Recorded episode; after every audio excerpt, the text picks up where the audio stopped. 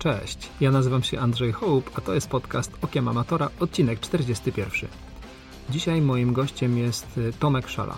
Zawodnik, który rozpoczął swoją przygodę z triatlonem dopiero w 2015 roku, więc y, wcale nie tak dawno, a już zdobył wicemistrzostwo Polski na połówce Ironmana, a całkiem niedawno okazał się najszybszym wśród Polaków startujących na zawodach Ironman 70.3 w Dubaju.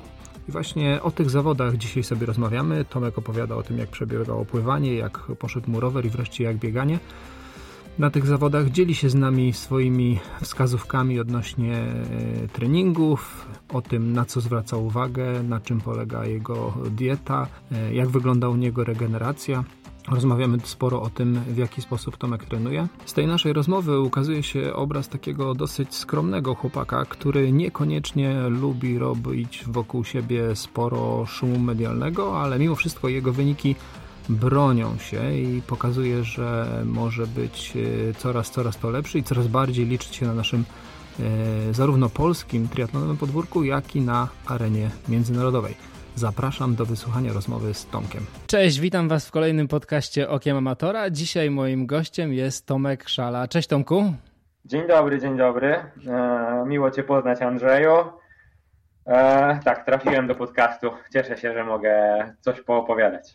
dokładnie tak. I my też się cieszymy, że jesteś dzisiaj e, naszym gościem i nam troszkę o sobie poopowiadasz. Bo powiem Ci szczerze, że e, tak naprawdę w, w tym świecie triatlonowym tak bardzo głośno znowu o Tobie nie jest. E, ja też próbowałem jakieś informacji na Twój temat wyszukać i jakieś tam są, ale to nie są takie ilości jak na temat innych tych naszych takich czołowych zawodników możemy, możemy znaleźć, a powiem Ci szczerze, że Twoje wyniki ostatnie szczególnie się bronią, e, więc też trochę się dziwię, że, e, że tego nie ma. E, no i też o tym chciałem między innymi o tym chciałem porozmawiać, więc może zacznijmy od tego, skąd w ogóle wziąłeś się w triatlonie i jak długo się już tym bawisz? A więc triatlon trenuję od roku 2015, ale pierwsze starty zaliczyłem już w roku 2014. Debiutowałem na triatlonie w Piasecznie Um, I wtedy, to wtedy tak naprawdę zaczęła się ta moja przygoda z tym triatlonem. Byłem wtedy na studiach inżynierskich i pisałem już tylko pracę tą inżynierską, więc stwierdziłem, że fajnie by było coś popracować. Poszedłem do pracy do sklepu rowerowego, do Airbike'a. I no i tam sobie pracowałem i w międzyczasie właśnie widziałem, że jest taka moda na ten triatlon, a że kiedyś pływałem, to ja i w, w obecnym czasie, gdy w tym sklepie pracowałem, ścigałem się e, na rowerze górskim, w maratonach e, rowerowych i w cross country, czyli to jest dyscyplina olimpijska. I no i chciałem spróbować czegoś nowego tak naprawdę. Zagadałem z, e, z Mikołajem Pytlem, aktualnie królem rowerów żeby mi właśnie pożyczył rower. Wziąłem tam pierwszy lepszy z brzegu, triatlonowy i rzeczywiście na zawodach piasecznie zająłem, no nie pamiętam, dziewiąte miejsce, więc tak stosunkowo wysoko to był cykl Garmin, względnie obsadzony. No a z zawody to rzeczywiście byłem totalnie nieprzygotowany. Zakładałem skarpetki na siedząco, ściągałem piankę na siedząco. Takie, no jak prawdziwy amator. A, a, a jak się zakłada skarpetki, jak nie na siedząco, powiedz? No, no teraz na triatlony nie zakładam skarpetek. Na połówki, do połówek nie zakładam skarpetek wcale, a czasami jak mi się, czasami, czasami kiedyś zakładałem skarpetki, że już tak rzeczywiście wydaje mi się, że to już zakładałem je po rowerze i miałem jakoś specjalnie przygotowane, zerolowane, tak żeby zrobić to jak najszybciej. Mm -hmm. Ty wiesz co, ale dziewiąte miejsce w debiucie to faktycznie bardzo fajny występ. Tak, tak, zdecydowanie. Wtedy zupełnie nie pływałem, nie biegałem, tak to było totalny, to był totalny start na żywioł. Wyszedłem z wody całkiem daleko, bo jednak trochę mnie przytkało, jak się nie pływa, to ciężko, ale no ja wcześniej pływałem przez 8 lat, więc miałem tą bazę pływacką, technikę i pamiętam, że chyba się na grzbiet nawet przekręcałem gdzieś pod tym mostkiem w piasecznie, tak żeby złapać oddech, ale, ale no później na rowerze pojechałem pamiętam w miarę przyzwoicie, jeszcze ten mój sprzęt tak naprawdę też nie był dopieszczony, ale no rzeczywiście złapałem tego bakcyla na pewno też dzięki temu, że to dziewiąte miejsce było takie pokazujące, że jest dla mnie w tym perspektywa. No i dalej potyczyło się tak, dalej się to potyczyło tak, że Mikołaj w kolejnym roku był sponsorem e, sprzętowym dla grupy Elemental Team i tam mnie podepchnął niejako do trenera Marcina Słomy i dalej moja, moja przygoda właśnie z triatlonem rozwijała się pod okiem Marcina. E, okej, okay, to do, do tego jeszcze dojdziemy. A powiedz z tym e, pływaniem, bo wspomniałeś, że pływałeś wcześniej, e, ale to pływałeś jakoś tak bardziej zawodowo, czy tak trochę rekreacyjnie jako dziecko?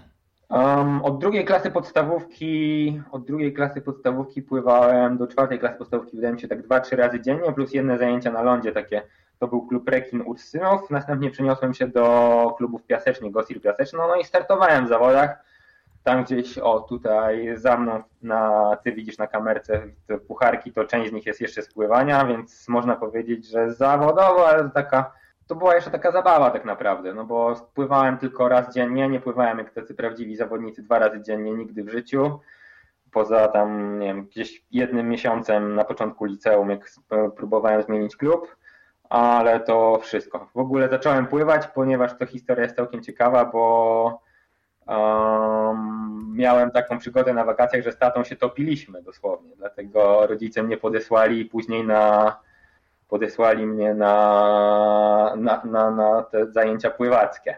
Byliśmy na, tak, byliśmy na Litwie na wyjeździe na wakacjach, gdzieś tam wypłynęliśmy na kółku i no jakoś tak, tak pech chciał, że ja wtedy pływać nie umiałem. Na taty plecach spadłem, na tata na plecach mnie wiózł do, do brzegu i nie wiem, czy go przydusiłem za szyję, czy coś w tym stylu, on stracił przytomność i tam sytuacja była taka naprawdę nieciekawa. Tata w szpitalu wylądował, ale skończyło się szczęśliwie.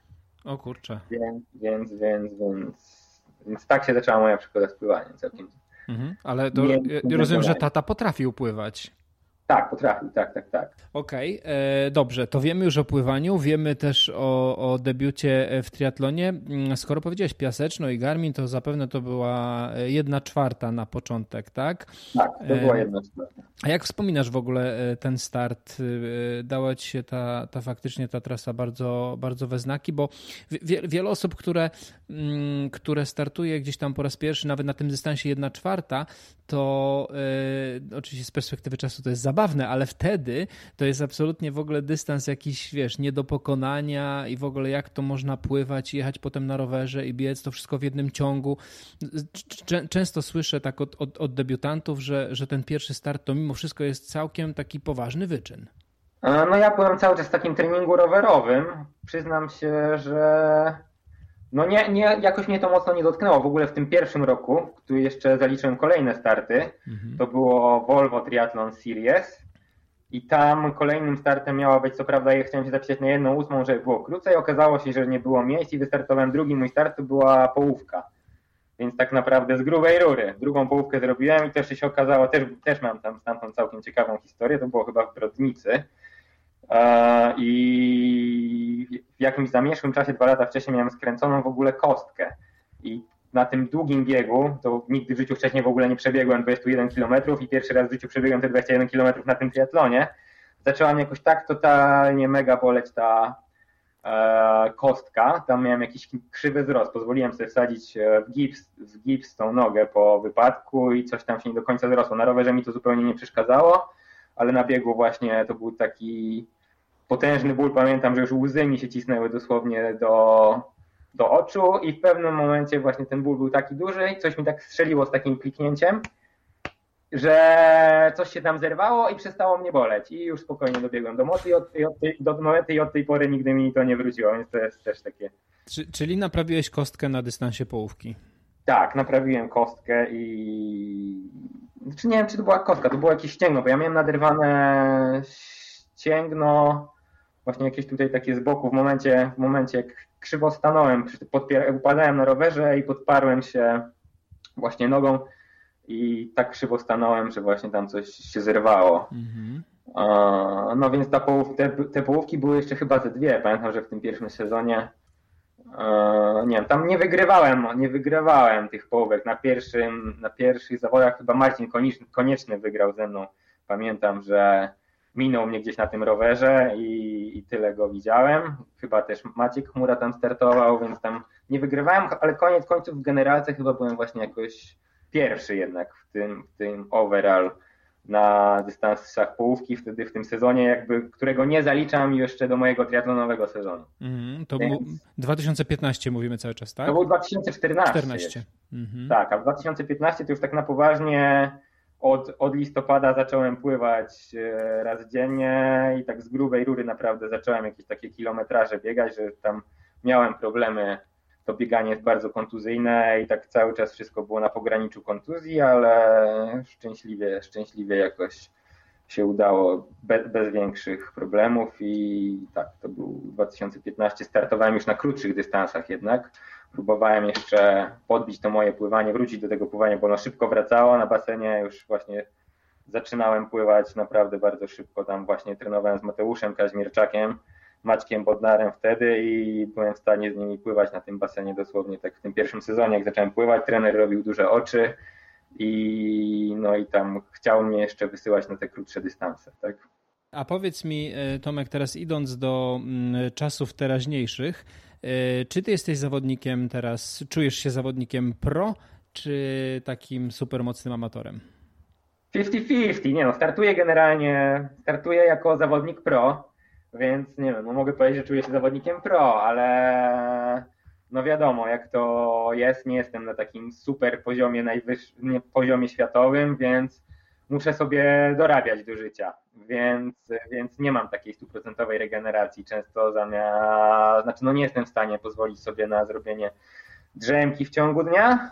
No dobra, czasami mi się zdarzy nawet zrobić drzemkę w ciągu dnia. Jestem 50-50, więc mam, mam takie swoje obowiązki. E, aktualnie do, jak większość takich zawodników pro, po prostu prowadzę zawodników i też e, prowadzę często indywidualne treningi, więc, e, więc czasami po prostu nie mam do końca czasu na tą regenerację, ale no nie narzekam. Trenuję, trenuję jak zawodowiec. Objętościowo naprawdę w tym roku zrobiłem super dużo, bo miałem takie kilka solidnych tygodni, gdzie trenowałem średnio myślę po 40 godzin, więc naprawdę super dużo już to dużo. E, ubiegłeś trochę moje kolejne pytanie, czy jako, e, czy jako pro zawodnik w Polsce mm, można się utrzymać z samego triatlonu, ale rozumiem, że odpowiedź jest nie.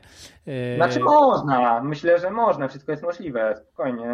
Gdyby mieć, uważam, że jest to możliwe, tylko no trzeba być na odpowiednim poziomie i odpowiedni marketing na pewno robić. Sponsorzy też oczekują jakby informacji zwrotnych, tak, nie informacji, tylko no, takiego czegoś w zamian, tak? Więc trzeba naprawdę rzeczywiście o to zadbać i potrafić się rozpromować jakoś e, no, siebie i tego sponsora, wiadomo. Mhm. Jeszcze będąc na wysokim poziomie, myślę, że jest to jak najbardziej do zrealizowania. Mhm. W social mediach, w podcastach tak, i, tak. i tym podobnych. E, dobra, wiesz co, powiedziałeś coś, coś ciekawego, że trzeba być na odpowiednim poziomie, żeby być w stanie się z tego utrzymać i tu przechodzimy płynnie do ostatnich zawodów, które wydarzyły się w zeszłym tygodniu, czyli e, Ironman 70.3 Dubaj, gdzie wystartowałeś i okazało się, że byłeś najszybszy spośród startujących tam Polaków, a nie chcę, żeby to źle zabrzmiało, ale wydaje mi się, że nie do końca e, byłeś, byłbyś obstawiany na, na faktycznie tą najszybszą osobę, tak? Bo, bo, bo z drugiej strony e, byłeś szybszy od Łukasza Kaleszczyńskiego, który był drugi e, i, i jeszcze kilku dosyć mocnych zawodników. Nie wydaje mi się, żeby, żeby, żeby faktycznie na ciebie obstawiono przez tymi zawodami, a jednak mimo wszystko, mimo wszystko wygrałeś. Nie mówię udało ci się, tylko po prostu wygrałeś. Jak to się stało? No, ciężko trenowałem przez zimę. Poprzedni sezon miałem może rzeczywiście nie do końca udany, bo miałem operację w ciągu roku. Na początku był ten szalony COVID, że nie można było trenować. Później ja byłem przez operację wyłączony na około miesiąc spływania i takiego biegania, więc tak wróciłem. W tym zeszłym sezonie jeszcze też dość przyzwoicie startowałem, ale no rzeczywiście brakowało trochę tego treningu. Teraz już tak na spokojnie wróciłem do takiego rytmu treningowego i no i wystartowałem na takim swoim przyzwoitym poziomie. Chciałbym szybciej pobiec zdecydowanie. Miałem problemy z kolkami na biegu i też gdzieś wcześniej nie do końca zrealizowałem te treningi biegowe tak jak e, miałem w planie, ponieważ też mi się tam napatoczył problem delikatny ze stopą więc yy, no to bieganie było nie do końca takie, jakbym sobie je wyobrażał. Już zdarzało mi się na Ironmanach biegać 3 minuty szybciej niż tutaj.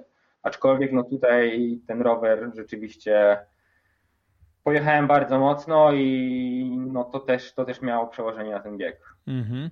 E, poczekaj, dojdziemy sobie do tego po kolei. Opowiedz mi najpierw, e, czy udało ci się troszkę tam zaaklimatyzować e, w Dubaju, przyjechać troszkę wcześniej, żeby, żeby się też przyzwyczaić do temperatury. E, zmiana czasu tam jakaś duża znowu nie jest, ale, ale jest jakaś. E, udało się jakoś tam być wcześniej? No nie, poleciałem na ostatnią chwilę, bo byłem Wcześniej, wcześniej byłem na chwilę przed byłem na Fuerteventurze e, z kuźnią triatlonu, którą serdecznie pozdrawiam. Byłem tam jako trener, więc e, byliśmy w Plaitas, e, więc tam rano prowadziłem pływanie, wcześniej robiłem czasami swoje bieganie.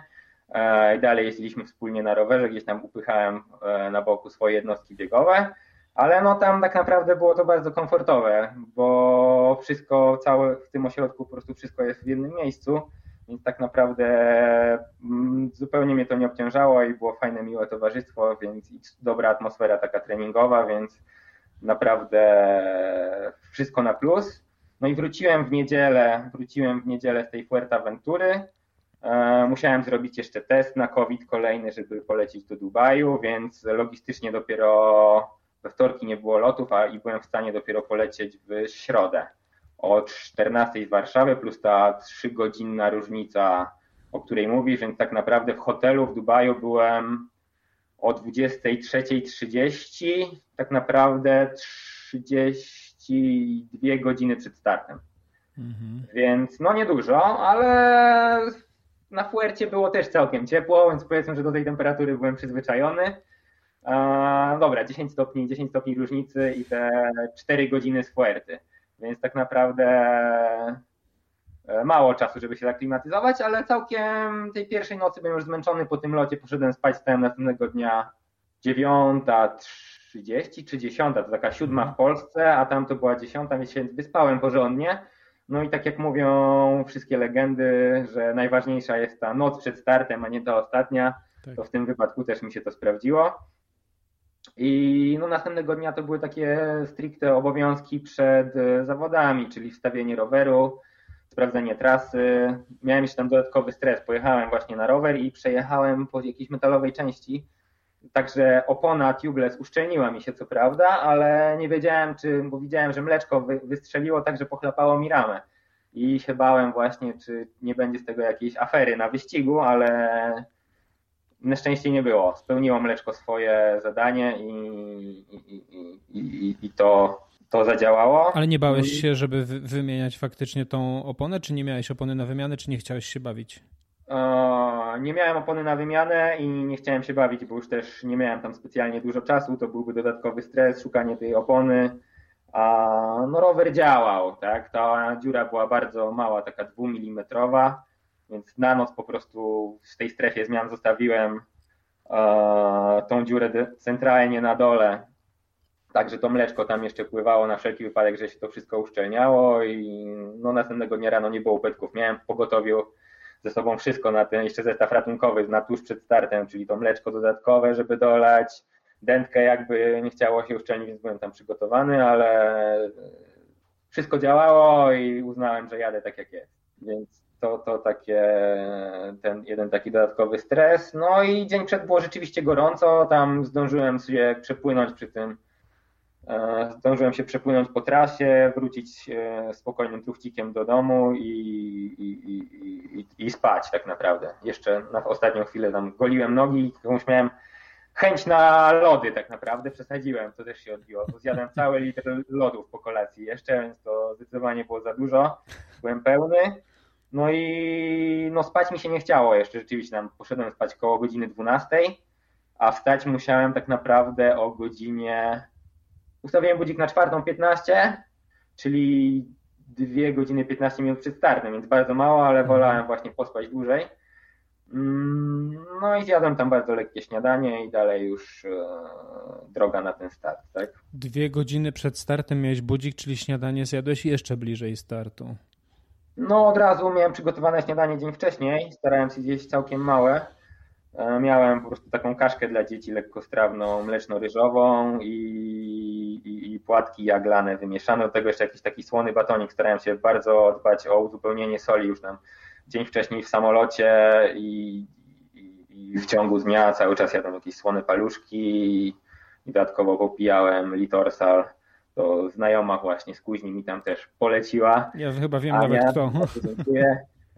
To, to jej sposób, ale no tak testowałem sposoby różnych ludzi na tym wyścigu, a no i to zadziałało na pewno. Nie miałem żadnych cygłucy z kurczami czy odwodnieniem na pewno. Dobra, zdążyłeś na start i zaczynamy od y, pływania, czyli najpierw powiedz y, jak y, temperatura wody i czy to było pływanie w piankach, bez pianek, jak to wyglądało? E, pływanie dla zawodników pro było bez pianek, temperatura wody zdaje się 24 stopnie ale całkiem chłonna. Wchodziłem do tej wody i stwierdziłem, że nie chcę, bo później wychodziliśmy z tej wody. Może była możliwość zrobienia rozgrzewki, ale później trzeba było wyjść i czekać jeszcze na zewnątrz, więc ja wszedłem tak do pasa, tam pomachałem tymi rękami, ale nie chciałem się moczyć i tracić e, ciepła, więc podogrzewałem się pływacko na, na lądzie. Było nas całkiem dużo, tam 60 zawodników pro na starcie. Ja ustawiłem się niestety po złej stronie, można było, bo tam był bieg, był bieg do wody z plaży i z jednej strony zatoka się kończyła no bliżej brzegu. To była taka zatoka przy hotelu. Wypływaliśmy po prostu w głąb morza i wracaliśmy. No i tam po lewej stronie, tak jak to w każdej zatoce jest, było trochę płycej i można było powiedzieć to kilkanaście, kilkadziesiąt metrów dalej, więc e, na starcie straciłem dosłownie e, no sporo. 50 metrów w pływaniu to jest sporo, 30 sekund, nie? Tracisz nogi i do tego musisz wyprzedzać tych wolniejszych zawodników, którzy biegli dalej, więc uważam, że straciłem tam całkiem sporo. O, I pływanie, no czułem się bardzo dobrze, nic mnie nie blokowało, aczkolwiek wydaje mi się, że może popłynąłem też zbyt zachowawczo, zbyt luźno. Pływaliśmy w takich speedsuitach specjalnych teraz. Jak jest, pływa się bez pianek, to zakładamy speedsuit, pod spodem miałem strój też ściągnięty, więc od razu po wyjściu z wody ściągnąłem ten speedsuit i zakładałem na dobiegu strój, tak? Mhm. Ja, ja ci powiem, nie słyszałem określenia speedsuit, słyszałem określenie swim skin. E, to jest to samo? Tak, to na myśli mam to, okay. to właśnie. Swim skina. Więc no dalej miałem jeszcze drobną przygodę w strefie zmian. Zapomniałem założyć numeru, gdzieś tam miałem go przyczepionego do roweru i tak zaczął mi dyndać, zanim się tam zatrzymałem, go wyszarpałem spod tego roweru, też straciłem kolejnych kilka sekund, więc tak naprawdę wychodziłem w bardzo dużej grupie, ale ta grupa mi odjechała. I no byłem taki przerażony, że to na tym wyścigu rozegra się w takich grupach i tak za wszelką cenę goniłem tą grupę, mijałem jakichś takich pojedynczych zawodników i do grupy tak naprawdę udało mi się dojechać po jakichś 22 minutach kliknąłem sobie lapa. Mam z tego lapa tam bardzo dużą moc, 355 W znormalizowane. Przez jak długi czas? Przez 22 minuty. Więc to całkiem sporo i naprawdę się wyjechałem. Czułem, że się wyjechałem tam do tego momentu i jak ich złapałem. E, no i dalej chwilę, chwilę stwierdziłem, że odpocznę w tej grupie, więc jechałem tak z tą regulaminową odległością. Po prostu, no rzeczywiście prędkość może spadła w stosunku do tej, z którą jechałem chwilę wcześniej ale jechałem dosłownie 250 W, więc no, różnica była kolosalna. Czułem, że odpoczywam, no i dalej stwierdziłem, że to jest dla mnie za luźne tempo i dalej jechałem sam. Udało mi się przejechać do, jakby do kolejnej grupy. Tam też chwilę odpocząłem tak jakby na końcu i znowu wyszedłem i tam dalej już ta, tamta grupa, bo ta pierwsza grupa, nikt jakby nie przytrzymał tego mojego regulaminowego koła i zostali z tyłu. A w tej drugiej grupie oni już tam rzeczywiście się jakoś trzymali. Pracowałem z drugim zawodnikiem, nie, nie pamiętam kto to był do końca. I po nawrotce, po nawrotce to się porwało, że ja zostałem sam, ten zawodnik przede mną został sam, a tamci zostali z tyłu. Mm, no i tak jechaliśmy pod koniec, jeszcze też wyprzedził mnie taki bardzo mocny Austriak, który skończył dziesiąty, Paul Rutman i on jechał tak naprawdę, bo pierwsza część trasy w ogóle wiodła e, lekko pod górę i była pod wiatr, a dalej była nawrotka. Trasa wiodła w ogóle taką kilkupasmową drogą i po wewnętrznym pasie tej kilkupasmowej drogi nam w połowie drogi jakby zdjęli taką, mm, no tą barierkę zdjęli, położyli dywan i to była nawrotka. Więc tak naprawdę ta trasa była bardzo szybka z takiego względu, że jednak po tej drodze poruszały się też samochody od zewnątrz i one delikatnie osłaniały. Tak naprawdę pod ten wiatr chyba średnia była prawie że 45 na godzinę, a po powrocie już jechaliśmy dosłownie średnio ponad 50 na godzinę mi wyszło, więc tak naprawdę bardzo szybko. Ten Austriak, który mnie wyprzedzał, to jechał gdzieś tam było tak lekko z górki, 60 kilka na godzinę przez dłuższy okres czasu, więc byłem w szoku i, naprawdę gdzieś tam chwilę zostałem, ale no, w stosunku do tych zawodników, którzy na pewno jechali tam w tej grupie z przodu, no to wygospodarowaliśmy dużo więcej energii, tak? To był taki trochę kontest oszczędzenia sił na bieg. Znaczy, no tak to jest w tym triatlonie, ale e, widać, że na tym wyścigu to miało szczególne znaczenie. Mhm. E, ale mówiłeś o mm, gonieniu grup i jechanie wspólnym. Ja rozumiem, że tu mówimy wszystko w tych 12-metrowych e, tak, tak, odstępach. Tak, tak, tak, ale no w momencie, gdy wiesz, jest 10 e, zawodników w tej grupie i każdy pcha trochę tego powietrza, to tam dalej już naprawdę ta różnica robi się duża. Przy tej, szczególnie przy tak dużej prędkości, jakby ten, te zawirowania są spore i i same te zawirowania sprawiają, że powietrze lepiej się klei do opływu i ten współczynnik oporu jest mniejszy, więc tak naprawdę ta różnica była kolosalna przy jeździe w takim pociągu, a z zachowaniem regulaminowej odległości, a przy jeździe jakby samemu. Okej, okay, dobra, to przechodzimy do biegania w takim razie. No bieg w Dubaju był promenadą.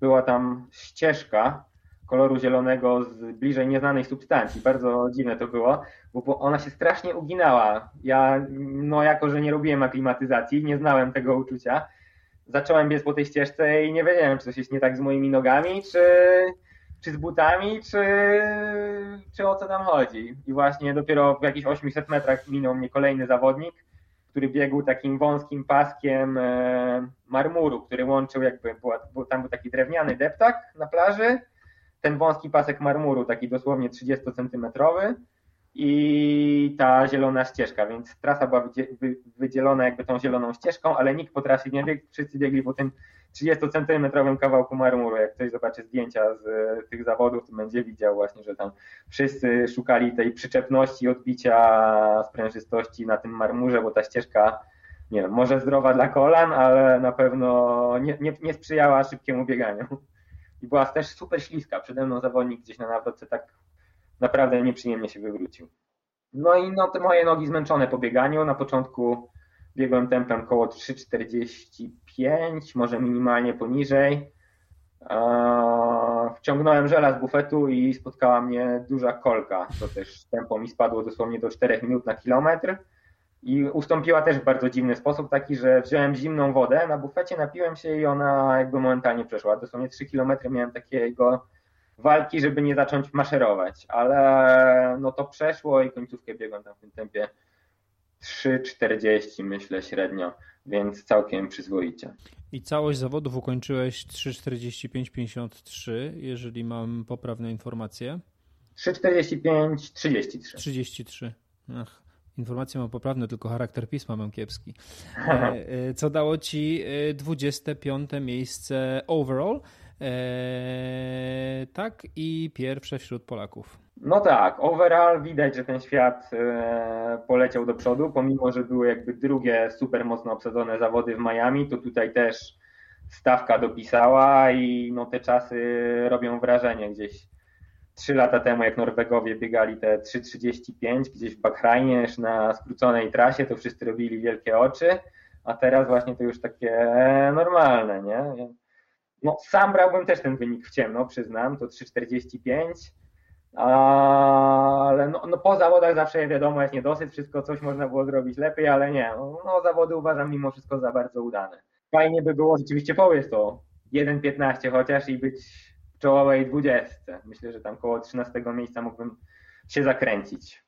E, no właśnie, to, to, też o to, o to miałem zapytać, a to już powiedziałeś. A powiedz mi, jeżeli chodzi o e, pierwsze miejsce wśród Polaków, bo tak u, u, unikasz zgrabnie tego tematu, e, mhm. spodziewałeś się tego? trudno mi powiedzieć. Nie, do, nie monitorowałem, nie monitorowałem dokładnie jak chłopaki trenowali. No, myślę, że zawsze jadę na zawody, żeby osiągnąć jak najlepszy rezultat. A tutaj wiedziałem, że nie wygram, bo no, no ta stawka była super mocna. A znaczy, no spodziewałem się, że wśród Polaków będę całkiem wysoko, bo moja dyspozycja była w dobrym, w dobrym stanie. Y, bo ja tak wracam do tego tematu, kiedy wcześniej mówiłem, że wokół ciebie nie ma takiego dużego szumu medialnego. Y, myślisz, że tak jest faktycznie i to jest taki twój y, pomysł? Czy faktycznie nie, nie, nie lubisz tego szumu wokół siebie, czy na razie nie przykładać do tego dużej jakiejś uwagi specjalnie? Znaczy nie przykładałem dużej uwagi, szumu nie lubię. Przyznam się szczerze, wolę tak po cichu wystartować jednak żeby nie było tej presji zdecydowanie. Ja jestem taką osobą, która się przejmuje tym, co ktoś gdzieś powie i tak naprawdę to byłoby mnie, dla mnie jeszcze jakieś dodatkowe stresujące obciążenie. Myślę, że, e, że cieszę się z tego, że uniknąłem takiego szumu. No, e, zobaczymy, czy teraz coś tutaj e, jakby się zmieni, no ale to, e, to pewnie gdzieś tam, gdzieś tam się okaże. Powiedz mi w takim razie, to była twoja życiówka, to 3,45 tak, na Polsce? Tak, zdecydowanie to moja życiówka. Mhm, mhm. A kto jest twoim trenerem teraz? Aktualnie moim trenerem jest Kuba Czaja. Mhm, czyli zmieniłeś trenera, bo wcześniej mówiłeś... Tak, mhm. tak, tak. Od, od zeszłego roku, od stycznia pracuję z Kubą. Mhm. I jak się pracuje? No, jestem zadowolony, bardzo dobrze. Kuba może nie do końca ma zawsze czas, ale jest bardzo kompetentny i służy zawsze swoją radą. Od strony medycznej, jak się wywalę czy coś, to już w ogóle jest premium tak naprawdę. Recepty może wypisywać jako farmaceuta, ale, ale tego nie robię, ale tak naprawdę gdzieś rzeczywiście konkretnymi produktami mi operuje. Tutaj plastry jakieś hydrokoloidalne, coś, co się zagoi szybciej. Nie wiem, jakieś takie typu rzeczy, jakaś opuchlizna, to że to normalne i trenuj, więc taki na pewno pod tym względem jest super, tak? Też e, no rowerowo tak naprawdę te treningi są e, super ułożone, ułożone biegowo, nie do końca zawsze daje radę, ale no zdecydowanie jakby wierzę w to, co robię, więc y, uważam, że jest dobrze. Mhm. A powiedz mi, a trenujesz sam czy w grupie? Mm, pływanie trenuję z grupą na Warszawiance, z zawodniki, z pływakami. Samemu jednak mega trudno byłoby mi się zmotywować, więc z nimi jest mi dużo łatwiej. Skakuję, nie do końca myślę, co tam robię i czy tam łapię się w nogi. No zdecydowanie mocniej jestem w stanie pływać. Biegowo, biegowo spotykam się e, często z Maćkiem Bodnarem na jakieś zadania. Maciek mieszka tu niedaleko mnie też przy lesie kabackim, więc często się łapiemy, czy to na spokojne wybiegania na ploteczki, czy na jakieś takie zwawsze te setki, zawsze, zawsze jakieś taka nutka rywalizacji podkręca właśnie tempo na treningu, ja sobie to bardzo cenię. no i rowerowo też staram się z kimś umawiać mimo wszystko zawsze na rower. A w tym, e, w tym, w tym roku tak naprawdę bardzo dużo czasu spędziłem na Kanarach. Pierwsze, tam od 8 stycznia byłem trzy tygodnie z Darkiem Dąbrowskim i razem tam trenowaliśmy naprawdę bardzo mocno, na, szczególnie na rowerze rzeczywiście i, i, i, i biegowo. Więc e, no to myślę, wydaje, że właśnie takie spokojne trenowanie bez, bez jakichś obciążeń z zewnątrz naprawdę przynosi sukcesy, tak? Darek tam miał ze sobą rower czasowy, ja szosowy, więc na tych płaskich, e, płaskich e, powrotach z wiatrem to naprawdę cierpiałem. Robiłem jakieś waty kolosalne, żeby utrzymać jego koło. Ale no tak, i później właśnie po tym, po tym zgrupowaniu z Darkiem e, jeszcze zostałem tydzień na Teneryfie i jeszcze kolejny tydzień później przeniosłem się na Fuerteventurę, gdzie trochę pracowałem z zawodnikiem Tomkiem, tak go trenowałem personalnie i po tym dopiero wróciłem do Polski. Tak naprawdę w pierwszym turnusie się zaliczyłem 5 tygodni na Kanarach, wróciłem na chwilę tutaj do Polski na dwa tygodnie. Akurat jeszcze był śnieg, pobiegałem na biegówkach, eee, skorzystałem z tego śniegu i też udało się potrenować. Później w kolejnym pojeździłem na czasówce w tym okresie na pewno, więc fajnie było zadaptować się do roweru czasowego. I, I, też były takie okresy w ogóle, było, pamiętam, że w tym lutym było niedużo zimniej niż na tych Kanarach przez jakieś 3 dni, było tak, że było 16-17 stopni, więc wykorzystałem je tu rowerowo tak naprawdę na maksa i dalej byłem znowu na tym obozie z kuźnią triatlonu, więc dosłownie spędziłem 6 tygodni w tym roku na Kanarach i tydzień w Dubaju. No to bardzo. Tak naprawdę w Polsce byłem 2,5 tygodnia chyba. To nie no, trzy. Faj, faj, fajna zima. A propos, a propos Darka Dąbrowskiego, to odsyłamy naszych słuchaczy do e, odcinka podcastu, który był trzy odcinki temu i wtedy właśnie rozmawiałem z Darkiem e, też. E, także jak najbardziej e, fajna, fajna i ciekawa rozmowa i też e, całkiem, całkiem fajny zawodnik. A powiedz mi, ile trenujesz tygodniowo mniej więcej tak, jeżeli chodzi o objętości? No to zdecydowanie zależy. Przed zawodami wiadomo jest to mniej. Mm, teraz był taki okres bazowania, bym powiedział. I te objętości no, były takie bardzo duże. Szczególnie, że jeszcze gdzieś tam trenowałem właśnie z zawodnikami gdzie ten trening był taki mniej intensywny, wyrzucałem sobie ten swój intensywniejszy i te objętości naprawdę urosły mi do takich e, no bardzo dużych. Wejdę na trening Pixa swojego, zobaczę te podsumowania aż i ci zaraz powiem tak, żeby nie skłamać jak to wyglądało. I tutaj też tak nie do końca zawsze uwzględniałem jeszcze jakieś tam w tym playtest, zdarzało mi się pójść na siłownię, jakieś takie rozciąganie, to tego nawet nie dopisywałem, więc mam takie praktycznie gołe pływanie, rower, bieganie.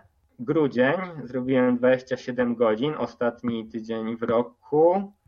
Później miałem taki luźniejszy 19. Wyjazd na te Kanary tam z przelotami i taki też spadł mi 18 godzin. Później pierwszy tydzień już był na zgrupowaniu 29 godzin 38 minut.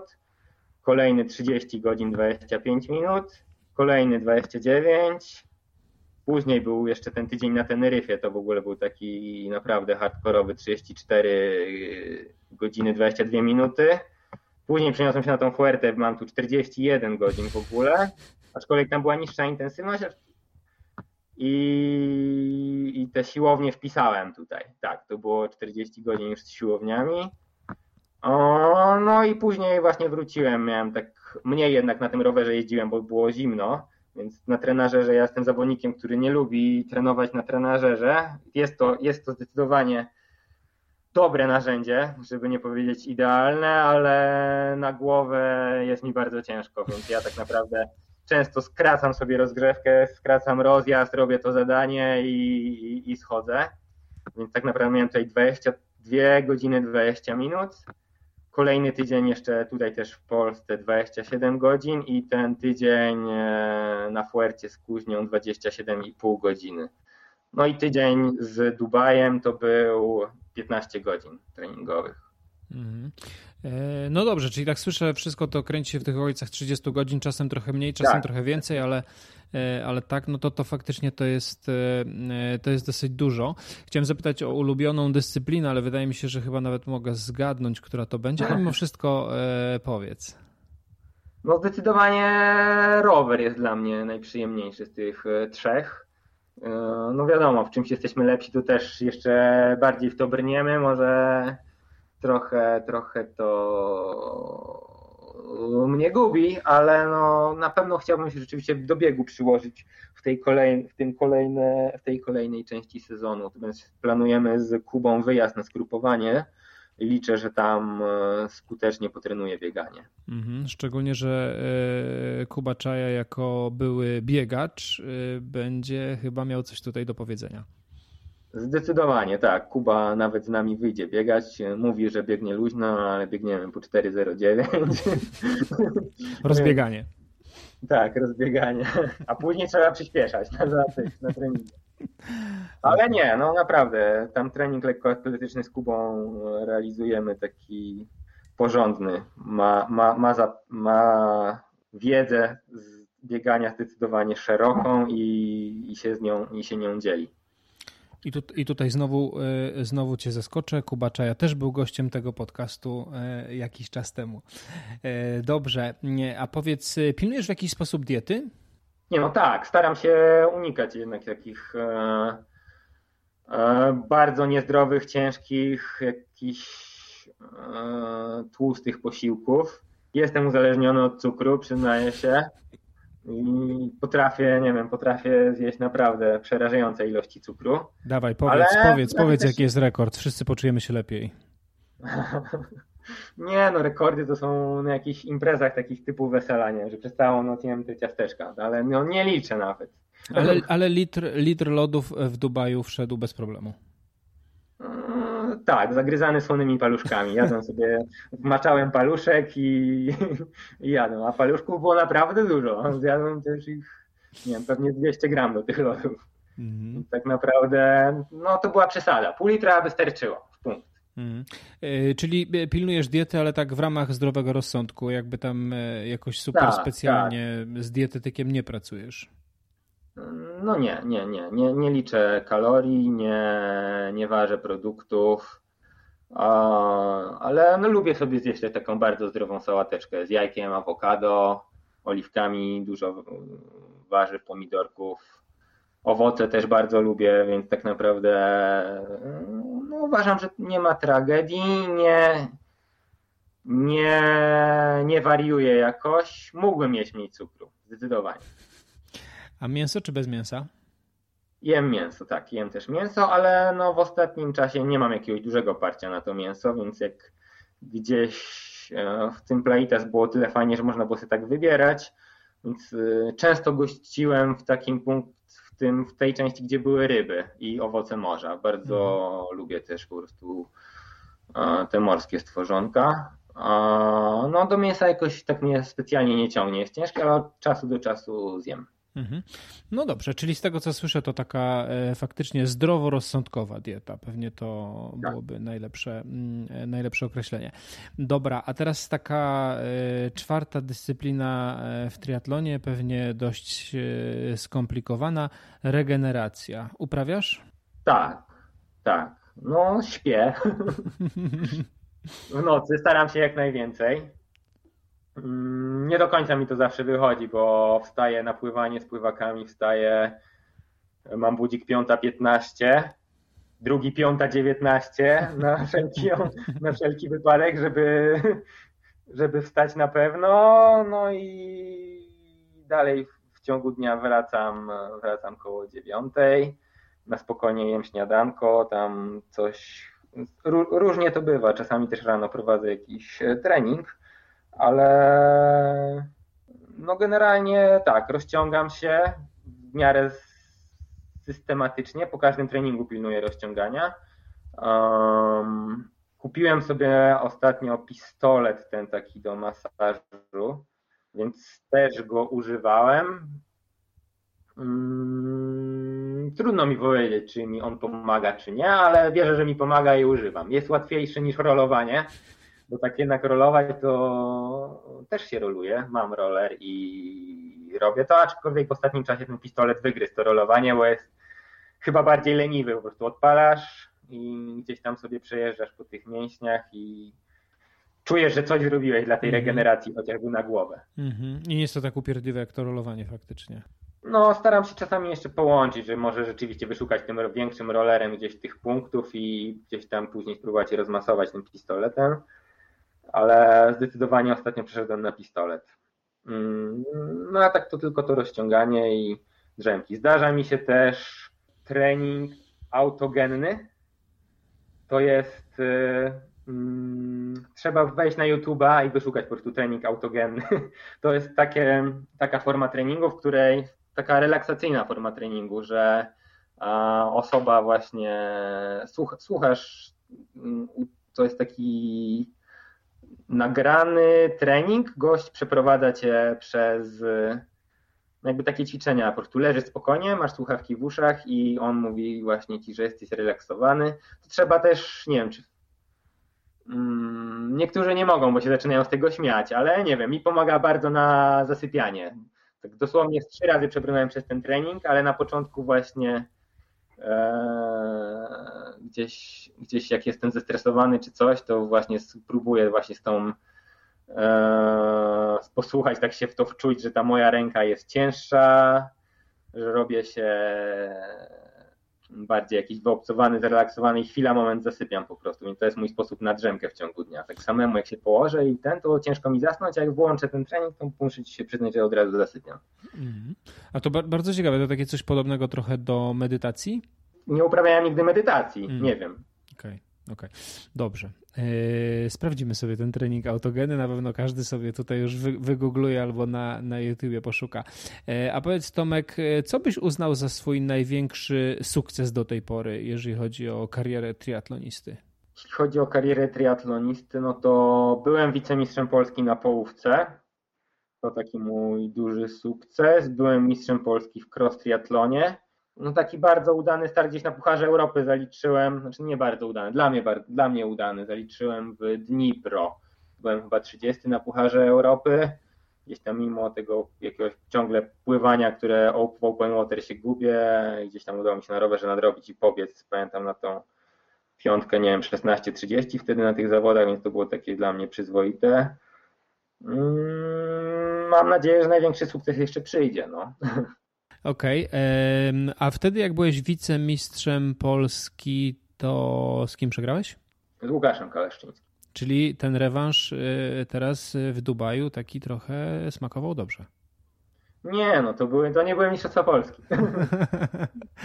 nie dasz się podpuścić y, w ogóle ani trochę. Tomek, słyszałem, że masz szczęście do różnych nietypowych historii w podróży. Podziel się z nami kilkoma takimi, jeżeli możesz. No mam bardzo dużo historii z lotami e, w samolocie, ponieważ, e, no nie wiem, jestem taką nie, trochę roztrzepaną osobą. Gdzieś, nie wiem, miałem taką historię na przykład, że na zgrupowanie do Portugalii poleciałem. E, gdzieś w miarę ostatni wchodziłem do tego samolotu, taki zadowolony, że dostałem miejsce przy tym egzicie. Obok mnie też jakaś taka nieogarnięta dziewczyna siedziała tam stewardess ją poprawiały, żeby siedziała, pamiętam i właśnie, no, no dalej już tylko, no ta podróż przebiegła wszystko normalnie, byłem już w hotelu, stwierdziłem, że złożę sobie rower, no nie, no i sięgam do tej walizki yy, i gdzie miałem, tam miałem multitula i tak wyciągam, no i patrzę, jakiś kapeć. Mówię, no może moja siostra miała tą walizkę, no nie? Wyciągam drugi kapeć, otwieram w środku kiecki, nie? No i masakra. Się okazało, że właśnie laska miała identyczną walizkę. W tym samym czasie się szczekinowała miała nawet suwak identycznie zepsuty w tej walizce, więc to taka historia. Gdzieś tam musiałem później jeździć na drugą stronę tego regionu Algarve. Szczęśliwie ona była w ogóle rezydentką tam i, i, i to ona mnie znalazła i do mnie zadzwoniła, bo już tak naprawdę myślałem, że po całym zgrupowaniu, bo nie miałem rzeczy do trenowania. No innym razem na Erasmusa na przykład leciałem i e, byłem na tyle późno na lotnisku, że nie odprawili mi bagażu, więc e, więc, więc, więc e, ten bagaż dolatywał do mnie tydzień, a jakby na, na, na pół roku wybrałem się z butami w podręcznym. Nie, miałem też historię, tak, że mi rower na zawody nie leciał przy bezpośrednim locie do Rumunii, tak zupełnie nie z mojego powodu, że byłem dwie godziny przed, nie wiem, tak trochę mnie prześladowały te loty w poprzednich latach, ale już ostatnio się nauczyłem latać, więc jest wszystko ok. okay, a teraz jeszcze, jak już powiedziałeś o tych lotach, to ja w sumie zapomniałem zapytać, y, jak mówiłeś o, y, o Dubaju, to jak tam leciałeś, musiałeś robić testy na, y, na COVID, to wspomniałeś, a jeżeli chodzi o powrót do Polski, to też trzeba było zrobić test, żeby nie być na kwarantannie, czy można już swobodnie tutaj sobie przylecieć? Generalnie ze strefy Schengen, jak się z Puerty wraca, to nikt tych testów nie weryfikuje, a i można ryzykować, ale wypełnia się formularz. Znałem historię, że są, że są, są, są, są, że ktoś, że dzwoni Straż Graniczna i pyta się o nie. No a z Dubaju wracając, e, test trzeba przedstawić w okienku Straży Granicznej, bo jest kontrola paszportowa. I ten test e, się robi tam na miejscu w Dubaju? Tak, tam jest, są tańsze. PCR kosztuje 150 zł. Nasz 150 dirham. Mhm. Ale dirhamy przelicza się bardzo podobnie na złotówki. Okej, okay, okej. Okay. Mm, dobra. E, a powiedz, startowałeś na pełnym dystansie, czy to jeszcze przed tobą? Nie, to przede mną, aczkolwiek e, być może w tym roku to zrobię. Gdzieś bliżej, bliżej końca sezonu mimo wszystko, żeby tak, e, wydaje mi się, że ten długi dystans potrafi tak zamulić. Jeszcze chciałbym postartować trochę na krótszych. W Polsce na pewno będę startował na jednych czwartych i i kilku połówkach, a pod koniec sezonu we wrześniu liczę, że, ta, że uda się zrobić pełny. Mhm. E, no właśnie, i tak naprawdę to jest, e, to jest moje takie ostatnie pytanie, e, o które chciałem zapytać, które chciałem zadać, a mianowicie jakie masz plany na ten nadchodzący sezon? No oczywiście plany planami, jaki on będzie, to się pewnie okaże, bo, bo to cały czas jest pod dużym znakiem zapytania, nie? Tak, no w dzisiejszych czasach zdecydowanie bardzo ciężko cokolwiek zaplanować, więc e, więc, więc, więc e, aktualnie rozważam start na Gran Canaria, bo mieliśmy z Kubą lecimy na Teneryfę trenować po świętach wielkanocnych jeszcze to też nie jest na 100% pewne, ale prawdopodobnie tak się stanie. Z Teneryfy można przypłynąć promem na Gran Canaria, więc logistycznie to całkiem łatwe, aczkolwiek e, mam jakiś taki problem z tym, że nie chciałbym jeździć po Kanarach na rowerze czasowym. Tam szczególnie po Teneryfie jest bardzo górzyście, ale na start tam patrząc na trasę tej Gran Canaria to czasówka jest niezbędna. I to, to rozważam na razie. To jest 24 kwietnia. Nie wiem, czy nie za blisko, czy się wyrobię. No tak monitorowałem ostatnio te loty, przyznam się. Znaczy loty, w sensie loty i starty, ale no nie wiem, czy nie skupię się już właśnie na sezonie w Polsce. Czyli to, co będzie, to wystartuje. Zastanawiałem się właśnie nad albo nad challenge'em w Gdańsku, albo Mistrzostwa Polski byłyby też fajne, tylko że znowu, znaczy no znowu są w Poznaniu i tak, e, no nie wiem. Na połówce. Nie, tak, na połówce są Mistrzostwa Polski znowu w Poznaniu. E, zobaczę jeszcze, jak to się tam ułoży. Porozmawiam też z trenerem na spokojnie, skonsultuję, co on myśli. Zobaczymy. Mhm. A gdzie otwierasz sezon? Już otworzyłem. No tak, no tak, faktycznie. Sezon już otworzyłem. Bardziej a... myślałem o Polsce, mm, ale masz rację. No być może na którymś z duatlonów. Też jest ten super sprint tak naprawdę w Rybniku. Wszystkie starty mam tam wypisane, tak sobie patrzę. Zobaczę, jak to się złoży z innymi zawodami, czy wystartuję teraz na tej Gran Canaria, czy nie, to na pewno wszystko zależy. Mhm. No dobra, a co ze startem na przykład w Gdyni na pełnym dystansie? Bierzesz pod uwagę, czy niekoniecznie? Nie no, pełny dystans w Gdyni chyba nie ma dla prosów, to raz. Słusznie, tak. Tak. Jest tylko dla, jest tam tylko połówka. Być może na połówce w Gdyni gdzieś dopuszczam możliwość. Faktycznie masz rację. Y, a gdybyś startował na pełnym dystansie pod koniec sezonu, to gdzie by to mogło być? Eee, wrot. Wrot. A tam nie trzeba mieć jakoś wcześniej już y, slota zaklepanego? Aktualnie mam kod od organizatora i tam wypełniłem wszystkie formularze. Jeszcze nie zapłaciłem, ale, ale, ale, ale okay. jakby jest to potwierdzone, że Czyli startuję. W razie czego miejsce dla ciebie jest. Tak, tak. No dla zawodników pro jest to trochę inaczej. Nie trzeba tam wcześniej mm -hmm. się tak zgłaszać strasznie mocno, więc całkiem wcześnie do nich napisałem i no i tak na, na aktualnie wszystko wiem. Okay. Czy nie, nie wiem, jak, bo nie wiem, czy słyszałem, że te obostrzenia też są takie mocno, całkiem mocne teraz. Nie wiem, jak to się rozwinie, wiadomo.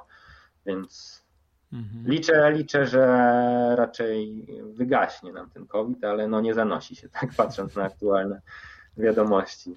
Tak, tak, wszyscy mamy taką nadzieję. E, a powiedz mi jeszcze na koniec, czy marzą ci się Hawaje, czy niekoniecznie? Mm, jako takie marzenie, marzenie, to może nie, ale chętnie bym wystartował. Okej, okay. ale, ale nie jest to coś, co e, gdzieś tam e, nie pozwala ci spać w nocy i nie masz plakatu z Hawajami, nie oglądasz filmików na YouTubie z startami na Hawajach codziennie, żeby się gdzieś tam motywować. E, nie, nie, nie. Jako taki start, start docelowy życia nie, ale no uważam, że fajnie by było, tylko że no musiałbym też skoczyć jednak te dwa levele wyżej, żeby żeby móc się chociażby zakwalifikować, bo tak naprawdę teraz u prosów się kwalifikuje tak jak u amatorów, że się nie mhm. zbiera tych punktów z zawodów jak kiedyś, tylko trzeba wygrać dosłownie gdzieś Ironmana i no myślę, że jest to całkiem trudne, bo ten poziom nieustannie rośnie. Mm -hmm, to widać. Mm -hmm. 3,45 i 25 miejsce. Nie? To prawda, odległe. To prawda. E, nie, no to widać, ale też, e, też twój poziom rośnie, więc e, pewnie gdzieś tam. No tak, szansa... odpalę jeszcze bieg, odpalę bieg i już mogę, już mogę tam być, nie? No, no, no nie wiem, może odstawię cukier, schudnę te kilka kilo i, i będę biegał. Taki jest plan. Bardzo dobrze, trzymam kciuki w takim razie. E, Tomku, wielkie dzięki za rozmowę i moim i waszym gościem dzisiaj był Tomek Szala. Dziękuję bardzo. Dziękuję bardzo. Miłego wieczoru.